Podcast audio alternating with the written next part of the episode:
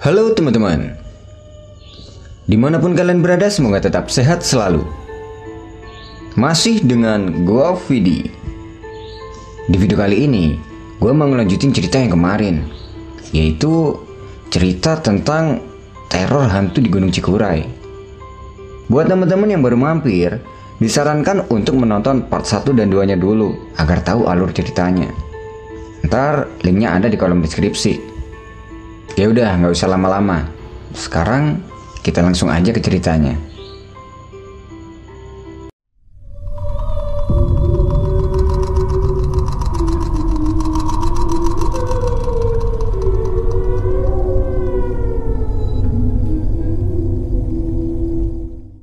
Tiga puluh menit sudah berlalu. Terlihat Tania sedang sibuk memijit kakinya yang masih merasa sakit. Melihat itu, Ami bertanya pada Tania. Neng, kenapa? Gak apa-apa kok, cuma nyeri aja. Ada balsem nggak? Ada kok bang.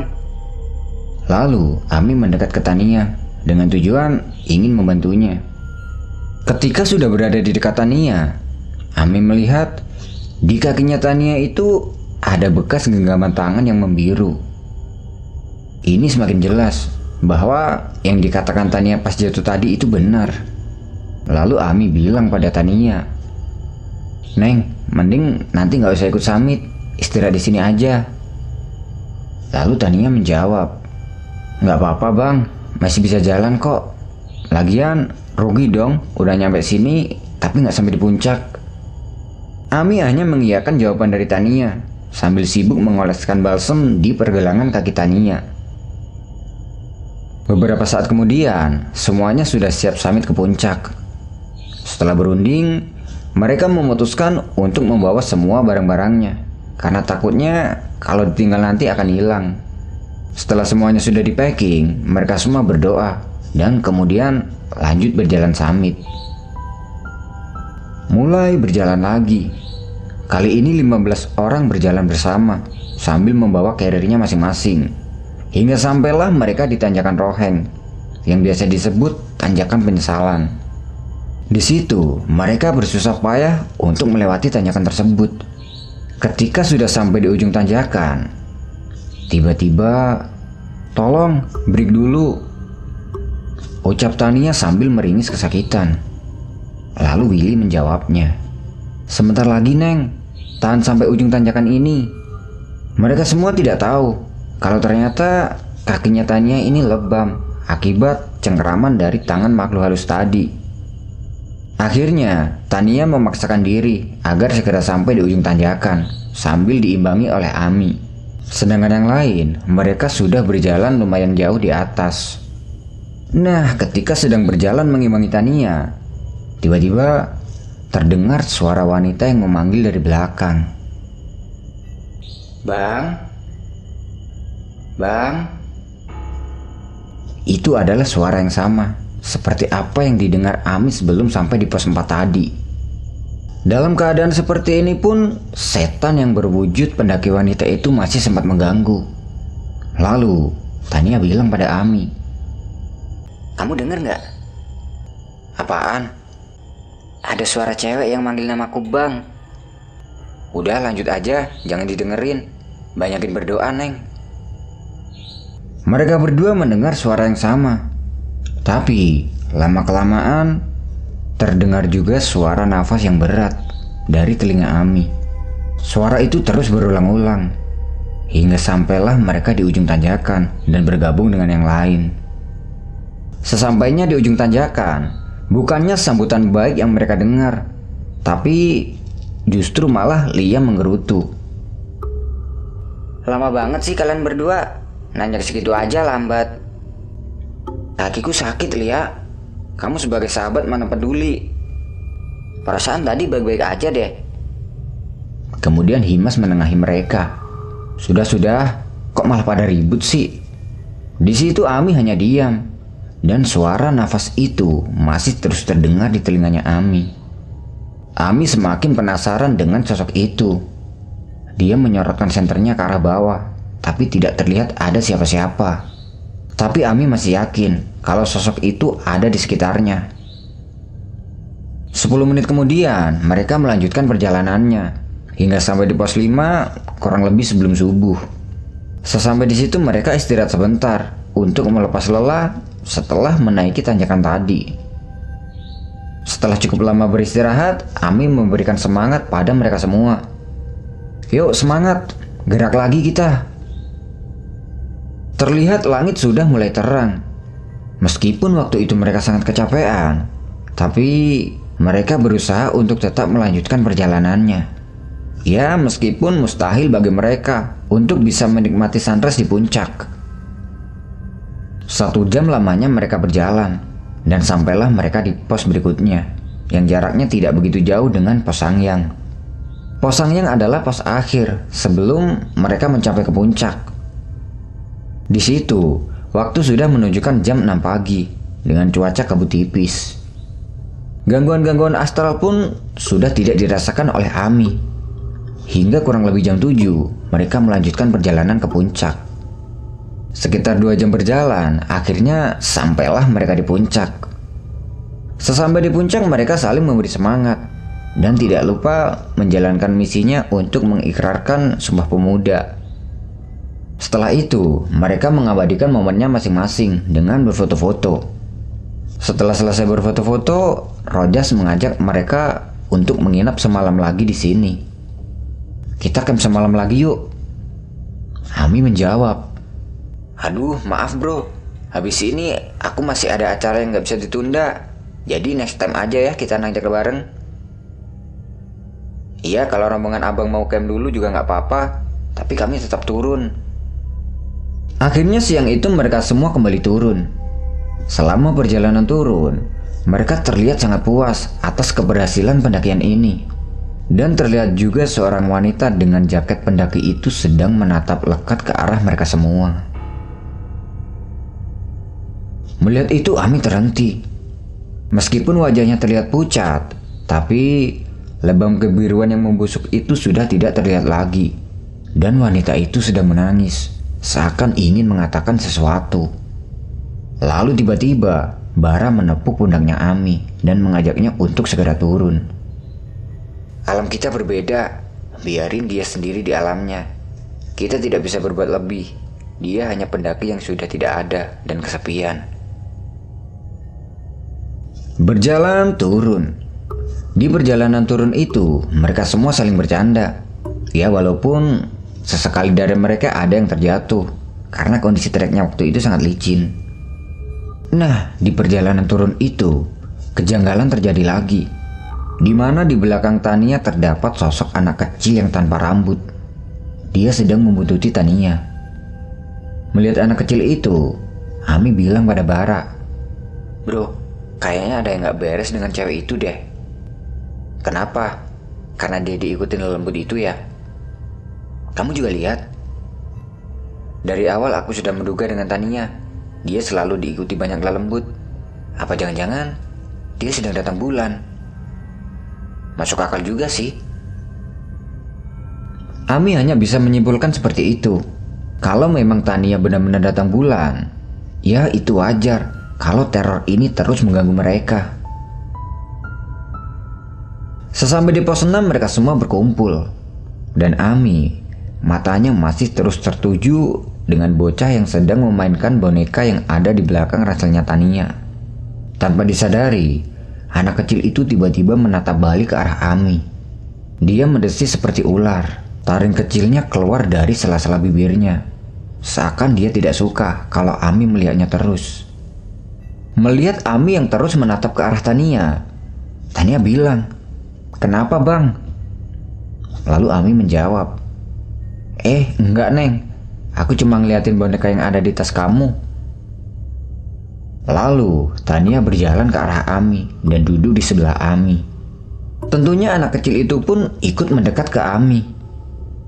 Sampainya di sebelah Ami, Tania melepas boneka yang ada di belakang ranselnya dan tunjukkan kepada Ami. Ini boneka adikku, karena inilah aku kembali ke Cikuray bang. Maksudnya Neng? Adikku sudah tidak ada bang. Dia sama kayak aku, suka naik gunung juga. Innalillahi, turut berduka cita ya, Neng. Sambil meneteskan air mata, Tania bercerita. Terima kasih bang. Adikku meninggal karena sakit dan sebelum sakit kami sudah merencanakan pendakian kemari. Sesaat mereka berdua terdiam. Ami hanya bisa menunggu Tania tenang, kemudian melanjutkan ceritanya. Setelah menghapus air matanya, Tania lanjut bercerita. Adikku meninggal karena penyakit tidak wajar. Tubuhnya membiru, sekujur tubuhnya bengkak semua. Mendengar itu Ami berpikir, apa jangan-jangan Ami bertanya-tanya pada dirinya sendiri. Dia mencoba menghadirkan sosok gadis yang mengikuti selama perjalanan ini. Sebenarnya, Ami ingin memberitahukannya kepada Tania, tapi dia tidak sanggup dan memilih untuk diam. Di saat yang bersamaan, tiba-tiba Bara berucap, "Itu adikmu." Ucap Bara sambil menunjuk ke arah lain, di mana gadis itu sedang berdiri. Melihat Bara yang tiba-tiba ada di situ, Ami kaget. Kemudian Tania berucap, "Mana, Bang? Di mana dia?"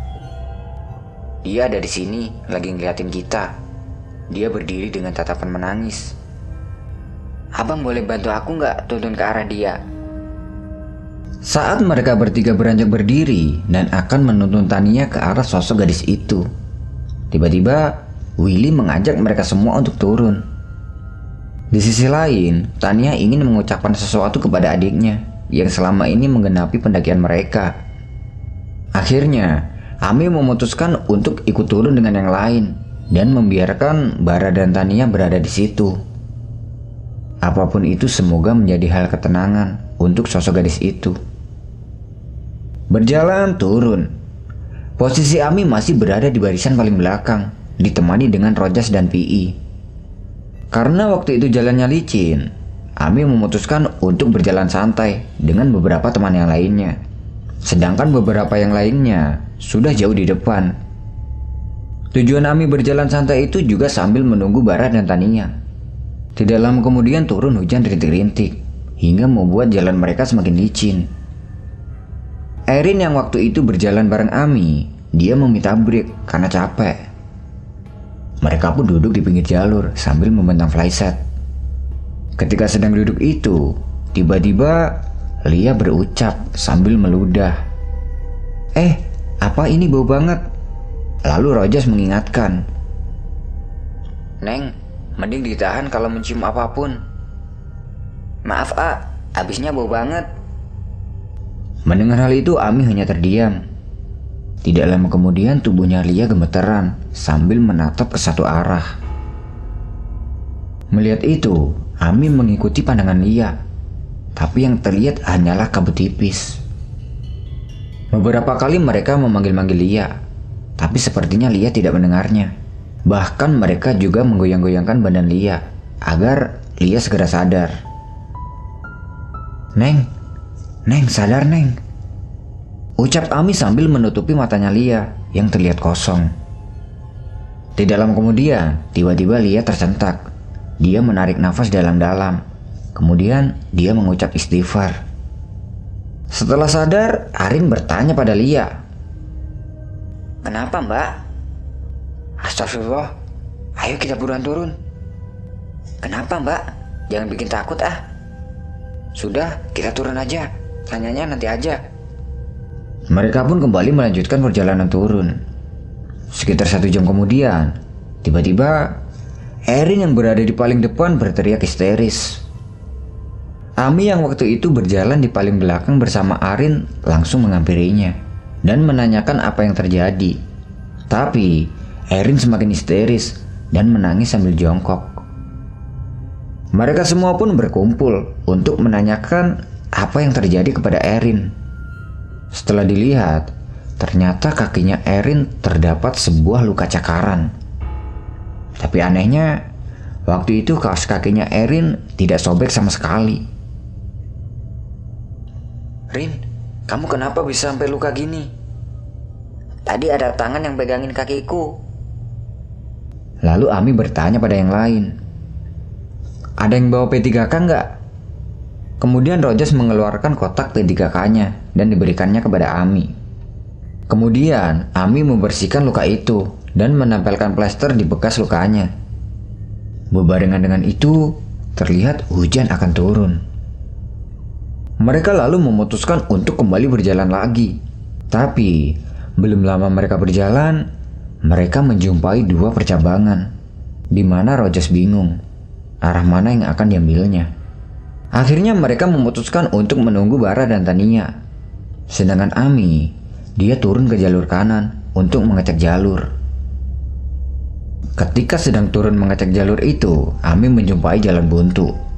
Kemudian dia balik lagi ke atas dan memberitahu kepada yang lainnya kalau jalur kanan ini buntu.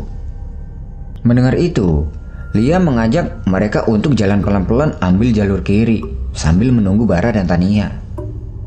Saat mereka akan lanjut jalan, tiba-tiba terdengar suara cekikikan Kunti. Mendengar itu, mereka semua langsung merapat, dan suara itu terdengar semakin keras dan semakin jelas. Hembusan angin terasa semakin kencang, dan di area situ tertutupi oleh asap. Lalu, Ami mengajak mereka semua untuk gandengan dan berdoa. Tidak lama kemudian, terlihat seekor kuda hitam yang melintas di hadapan mereka. Karena takut mereka semua lari tanpa memperdulikan satu sama lain untuk mencari perlindungan. Dan ini benar-benar tidak wajar, hingga mereka berlima semuanya ketakutan. Ami berteriak pada mereka agar tidak lari dan memintanya untuk kembali ke tempat semula. Tidak lama kemudian, mereka berempat kembali berkumpul dengan ratu wajah yang ketakutan.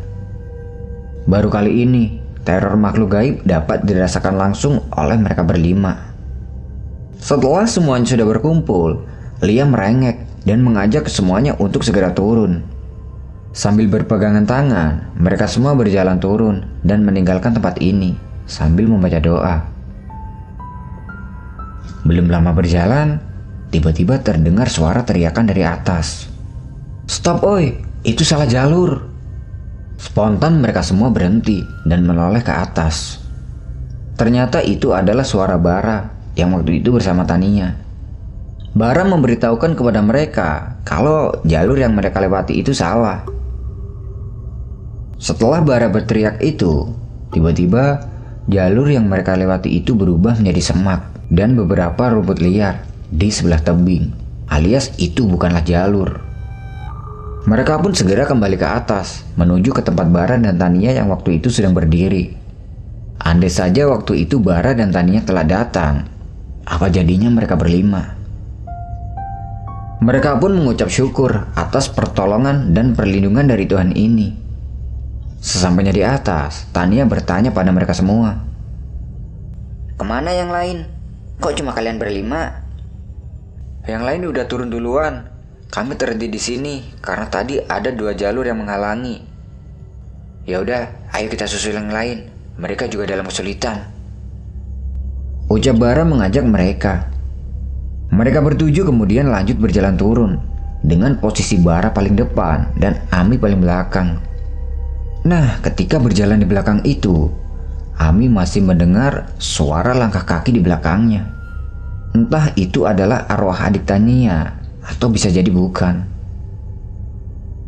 Tidak lama kemudian, pos peristirahatan sudah terlihat di bawah. Mereka pun segera berjalan ke pos itu. Sesampainya di pos itu, mereka bertemu dengan teman-teman yang tadi jalan duluan. Dan di situ mereka sedang ribut karena salah satu temannya yang bernama Himas terpisah dari rombongan. Mereka mengira Himas ini berhenti dan ikut jalan bersama rombongannya Ami. Tapi ternyata tidak. Suasana menjadi tambah kacau hingga menyalahkan satu sama lain. Lalu, Bara menengahi mereka dan memberi mereka pendapat. Oke, gini aja Will. Aku minta kamu bawa turun semua rombongan dan pastikan tidak ada lagi yang tertinggal. Aku akan cari Imas. Aku ikut kamu, bro. Aku juga. Ini aja. Ran, kamu bantu Willy memastikan semua selamat sampai di bawah. Biar aku dibantu Ami sama Tania.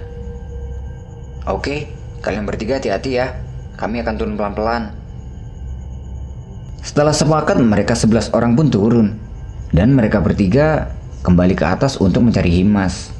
Selain itu, Bara juga berpesan agar meminta tolong kepada tim SAR kalau sampai lama mereka tidak kembali. Kembalilah mereka ke atas untuk mencari Himas, hingga sampailah mereka di tempat di mana tadi Ami melihat kuda hitam. Sesampai di situ, Ami terus terbayang-bayang dengan kejadian yang tadi dialaminya. Mereka bertiga mencari Himas sampai di pos 6, di mana waktu itu mereka meninggalkan Bara dan Tania di situ. Tapi, sesampai di situ mereka belum juga menemukan Himas. Sesampai di pos 6 itu suasana alam sangat berbeda. Lalu, Bara berjalan beberapa langkah. Kemudian dia membuka tasnya dan membakar dupa. Sebelum Bara membakar dupa, dia memberitahu kepada Ami dan Tania bahwa dia akan mendatangkan penghuni Gunung Cikuray. Bara meminta kepada Ami dan Tania agar duduk bersila sambil berdoa. Dupa itu kemudian dibakar oleh bara dan ditancapkan di tanah. Setelah itu, mereka bertiga fokus berdoa. Tidak lama kemudian, gemuruh angin datang bersamaan dengan bau wangi yang sangat menyengat dan disusul dengan suara kaki kuda juga lonceng yang semakin dekat. Bara kemudian memanggil nama Himas tiga kali Lalu, Ami memberanikan diri untuk membuka matanya. Dan terlihat ada seorang raja yang menunggangi kereta kuda. Di belakangnya banyak prajurit yang mengawalnya. Setelah kedatangan raja itu, Bara berdiri dari duduknya dan berinteraksi dengan menggunakan bahasa Sunda halus. Tapi, Ami tidak tahu apa yang mereka bicarakan. Tidak lama kemudian, terlihat raja itu menganggukkan kepalanya. Mungkin dia menyetujui apa yang disampaikan Bara. Hingga datang kembali angin yang meniup ke arah mereka bertiga. Asap putih kembali menutupi alam. Langit yang tadinya cerah sekarang menjadi gelap. Lalu, dari dalam kabut terlihat ada sebuah bayangan hitam yang datang dan membopong Imas yang tengah pingsan. Bayangan hitam itu berjalan ke arah sang raja dan meletakkan Himas di samping dupa yang dibakar oleh bara tadi. Melihat semua itu, Ami berkata dalam hati, Siapakah sosok semua ini? Dan apakah genderuwo ini yang menyembunyikan Himas? Interaksi kembali terjadi antara Bara dan sang raja. Hingga anggukan yang ketiga, sang raja itu hilang bersama pengawalnya dan sosok genderuwo itu. Setelah semuanya menghilang, Bara terjatuh lemas. Melihat Bara yang terjatuh lemas, Ami dan Tania segera menghampiri Bara. Sesampainya di situ, Bara meminta Ami air putih. Ami pun langsung mengambilkan air putih yang ada di dalam tasnya. Kemudian, Bara meneguk air itu. Setelah meneguk dua tegukan, Bara meminta Ami agar menjeramkan sisa airnya ke kepalanya. Ami pun langsung menyeramkan air itu sesuai dengan permintaan Bara. Setelah disiram, Bara berteriak Allahu Akbar. Kemudian dia bangkit, lalu mengambil Himas. Bara membacakan doa ke dalam sebuah air. Lalu Bara mencipratkan air itu ke mukanya Himas. Perlahan, Himas membuka matanya. Tapi masih belum bisa ditanya, alias linglung. Mereka pun bergantian untuk memapa Himas berjalan turun. Sesampainya di perkebunan warga, terdengar Himas mengatakan sesuatu. Pertanda kalau Hima sudah pulih kembali. Yang lain mana? Yang lain udah duluan, Him. Istirahat sebentar ya, aku capek banget nih. Mereka pun menuruti permintaan Himas. Di situ, Tania memeluk Himas dengan rasa bahagia. Ami dan Bara pun terharu melihat kejadian itu. 20 menit beristirahat, mereka pun melanjutkan perjalanan menuju ke base camp. Di tengah-tengah perjalanan menuju ke base camp itu, tiba-tiba Bara berucap, ada yang masih belum selesai di Gunung Cikuray. Lalu Tania menjawab, maksudnya bang? Jangan pernah takut dengan alam Gunung Cikuray. Jangan menjadikan kejadian ini sebagai penghalang kita untuk kembali bersilaturahmi suatu saat nanti. Niatkan diri dan ikhlaskan apa pun yang telah kita lewati. Berterima kasihlah dengan sesepuh Cikuray. Lalu mereka berdoa dan mengucapkan rasa terima kasih. Dan tidak lupa mereka mengucapkan salam untuk berpamitan. Dari pendakian ini, Himas mendapat sebuah pelajaran baru. Karena setiap kali Himas ini datang ke gunung, dia tidak pernah mendapatkan izin dari kedua orang tuanya.